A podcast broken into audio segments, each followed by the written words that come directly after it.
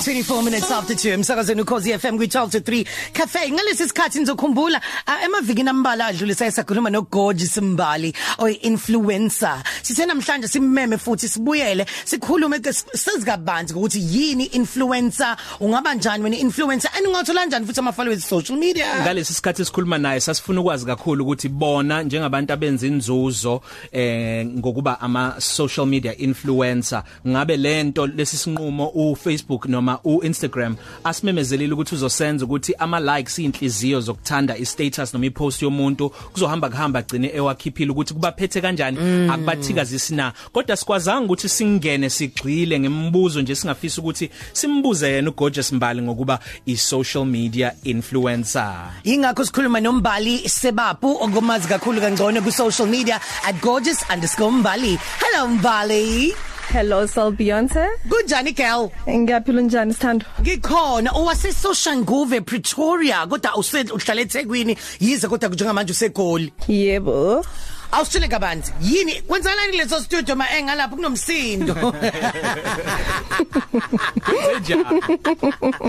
So awusithele kabanzi mbali influencer yini influencer and then ukuba influencer kumele ukuthi yini into oyenzayo Mina ukuya ngami ngicabanga ukuthi influencer I think abantu abaningi bacanga ukuthi ukuba influencer it means kuphela ukuthi usebenza nama brands I think ukuba influencer ungaba influencer uinfluence ukuthi abantu bakwazi ukuyithanda uinfluence ukuthi umuntu makakubukile athi you know what? Ngiyahalela ukuthi ngifana nalo yasisi ngiyahalela ukwenza in in in in leyo lo sis ayenzayo. So influencer is not about ukuthi ube yibrand ube usebenza nama brand kuphela. Oh. so you can influence a lot of things. Asiyona kuphela ukuthi wenza imali uinfluencer imali. Sikunabantu bang influencer mina but they are not working with brands. But bayang bayang influence I mean. It's DJ Capital no Big Star Johnson but forever mine. 20 minutes before 3 ohlelweni 12 to 3 cafe. Siyaqhubeka sixoxa no Gorgeous Mbali. Sithemba ukuthi ke yeah awusekho umsindo njengamanje. Gorgeous Mbali siyakuthola siswami? Ngikhona siya Ngizwile ukuthi ngathi uvalo ngathi amanzi amanzi asemadolweni enza unyakazi amadolo kwangempela Ase right manje. Umbuzo wami umbuzo wami ngaphambi kokuthi eh la isigcine khona ukukhuluma ukuthi yini wena yenza ithatha isinqumo sokuthi ufune ukube yi-influencer ku social media aw awuvuki udecide ukuthi ngizoba influencer awuvesana uvuka ukuthi namhlanje hayi ngifuna ukuthi ngibe yi-influencer. Kwenzakalanga kanjalo? Bengipostela izinto mina bengithanda ukushare izinto like ukuthi inwele ngaleso sikhathi bengina i-natural hair. Ngiyakhumbula when I started. So abantu bangibuza ukuthi winakela kanjani i-natural hair? Winakela kanjani? So there was this other lady uhlala eLondon but u owner i company enye it's called Bounce Essential Hair. So wangitshela ukuthi mbali why ungayiqali lento lena ukuthi ube influencer because people in London bayayenza bathola imali ngayo. Ngathi kanjani? Wangichazela. So yeah ngaqala ukushare more share more and then ama brands baqala ukuza ukuza kumina. Okay so istrategy sakho sisebenzisayo mbali sokuthola ama followers isiphi? Khulumani nama nama followers wenu. I always tell people this khuluma nama nama followers wakho. And then ama followers wakho mabakuthanda nabanye abantu bazokuthanda abanye abantu bazobona ukuthi okay fine kunento ekhona lana why singafollow inathi si and ushare izinto share information nabantu ukuthi utholephi in in umuntu makakubuza ukuthi utholephi leyo jean mtshela ukuthi ngithole Mr Price ngithole eZara share information because influence yenza kanjalo. Um mhlawumbe sibuze ngendaba zemali ngiyazi ukuthi abanye abantu abazama ukukhuluma ngale nto le. Mhlawumbe influencer yenza malini mhlawumbe ngepost?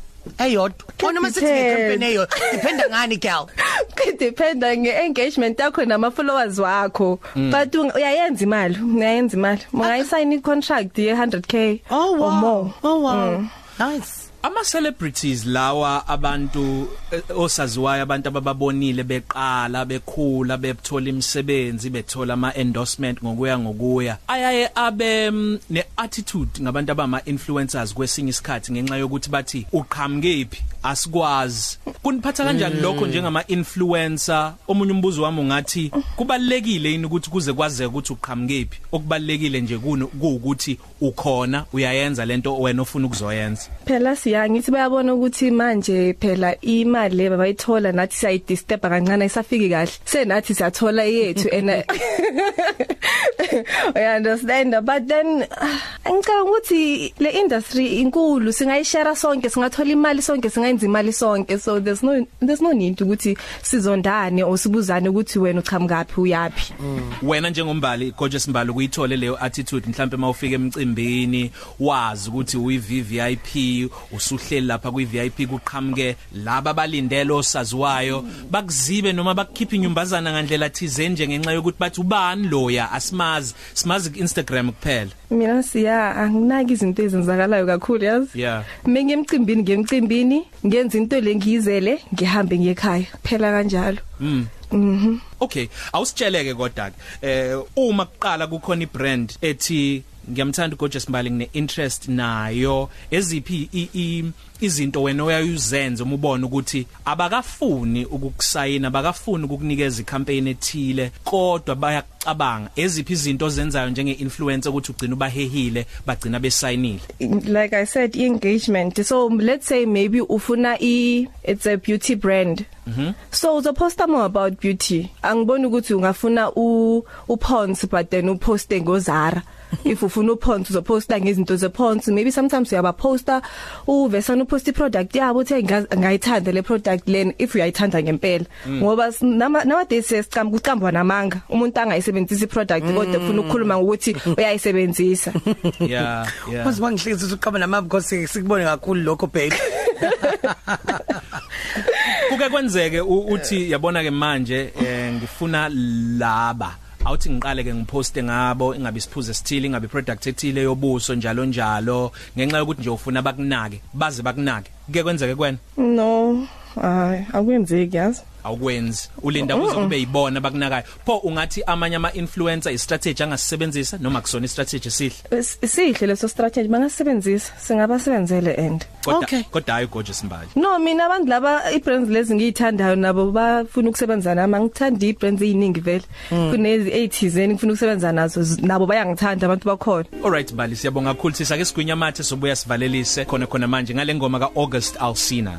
August Alsina make it home. Alright so sikhuluma ngama social media influencer njalo makule sithathu ila isuke sibheka khona imsebenzi ngokwe media alright ngifuna ukubuza Gorgeous Mbali uma ucabanga eh njengoba kukhulunywa ngo fourth industrial revolution nokuthi itechnology ingena kakhulu ekuthatheni imsebenzi econventional okusho ukuthi esiyazi ngendlela ebiyona kuleminyaka mhlambe eyikhulu eyedlule kuze kuba manje. Uma ucabanga nawo imsebenzi enitholayo nenzuzo eniyenzayo i- i- nokuthola imali njengama social media influencer kuzoya ngokuya kuthatha imali kwabanye abantu ngendlela kade bethatha abade bethola ngayo imali nibancisha imsebenzi no angicabangi kanjalo because ama brands bayathanda i marketing le la i digital more than i TV ngoba abantu abaningi nowadays abasabuki nama TV so abantu baku Instagram mina ngiyibuka i TV kakhulu kodwa ngiyalalela indaba on radio but i TV ngiyibuka kakhulu. So efonini yami ngihlezi ngikhona. Abo bonke abantu ngiyacanga ukuthi bahlezi kuma phone wabo. So ban- now ama brands bafuna ukuadvertise kuma phone Instagram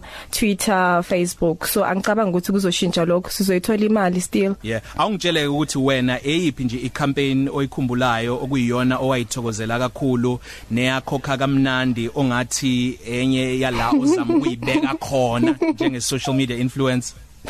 Earphones eyephonza hayi cha Eh. uyabuza uphonza uphuma olimini lakhe impela earphones yeah siswa eh ayingayijabulele leyo Alright, awunikezeke mhlambe iseluleko komunye oyi social media influencer mhlambe othi ngibukeka kahle ngizibona ngingaba umuntu ongaba yinxusa yama yama- lama brand amaningi. Awumnikeze nje izinto mhlambe ezintathu noma ezinhlanu ezibalekile okuzomela zazi. I think yokuqala ukuthi ungathatha ama brands wonke uma brands akwa approach ungathatha ama brands wonke ngoba uzogcina sesingasakubelieve ukuthi usebenzisa i brand design mo ukhuluma nathi. So awusa awusakwazi ukinfluencer because mo posta something sothi oh okay. Ay kusho ukuthi bamkhokhelile ke usasishala ngalokho so try ukuthi ube a real good brand yakho now. And then enye ukuthi ungashintshi ungayekeli lento leyo ukuthi unama floors awu 100000 noma awu 200000 angene ekhanda and then uqala ukushintsha uqala treat abantu kambi.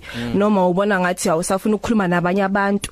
Ama followers wakho bayakufollowa ngoba bafuna ukukhuluma nawe. They want ukuthi bazi ukuthi wena ucabanga ini ngento ethizeni. So banikeza ichance. Phendula ama DM wakho zama. I know ukuthi maningi but zama ukuthi ukhulume nabantu. And always u remain ukuthi you must always remain remain humble ngasonke isikhathi. Yeah, ngiyakuzwa futhi ukuthi awunandaba ukuthi abantu bacabangani ngawe njenge social media influencer. Uzezelo ukuze- usemzileni wakho uzenzele okwakho nokukujabulisayo nokukukhokhelayo girl ngiyakubona. Because yeah so ku- uma ungathi unaka abantu umuntu angakhuluma ngawe kodwa iyashintsha ibank balance yakho ayishintshi Yeah. umuntu uzokhuluma into ekhulumayo ayishintshi reality yakho ayishintshi uzohlezi ugorgeous imbali uzohlezi usiya umuntu angakhuluma khuluma khuluma. Alright Mbali siyabonga kakhulu siswami utholakala kuphi ama social media um platforms akho? Ungithola eh ku @gorgeous mbali ku social- ku Twitter ku Facebook nase Instagram Alright siswami kemnandi ukukhuluma nawe siyabonga kakhulu ngiyabonga bye bye Top 3 Cafe. Ilunch yakho ayifani neyizolo.